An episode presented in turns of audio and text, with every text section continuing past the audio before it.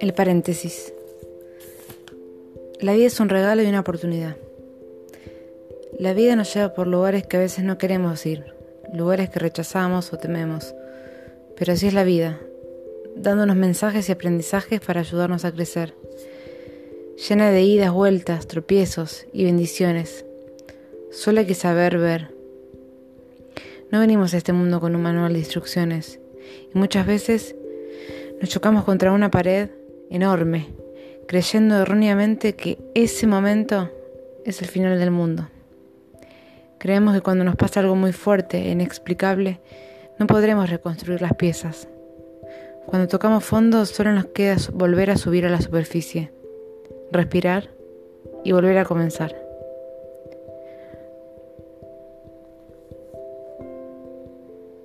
Porque siempre que nos caemos podemos volver a levantarnos.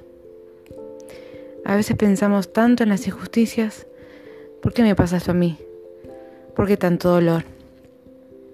La vida nos quita tanto, pero tenemos que observar el otro lado de la balanza, porque si sin notarlo también nos da más de lo que le pedimos.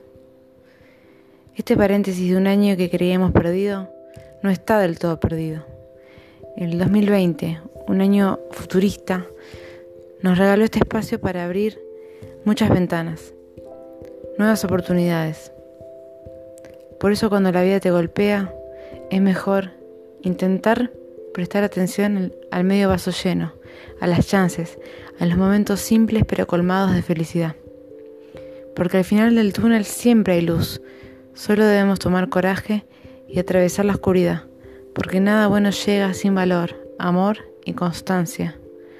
Vos sos tu propio faro. Lánzate.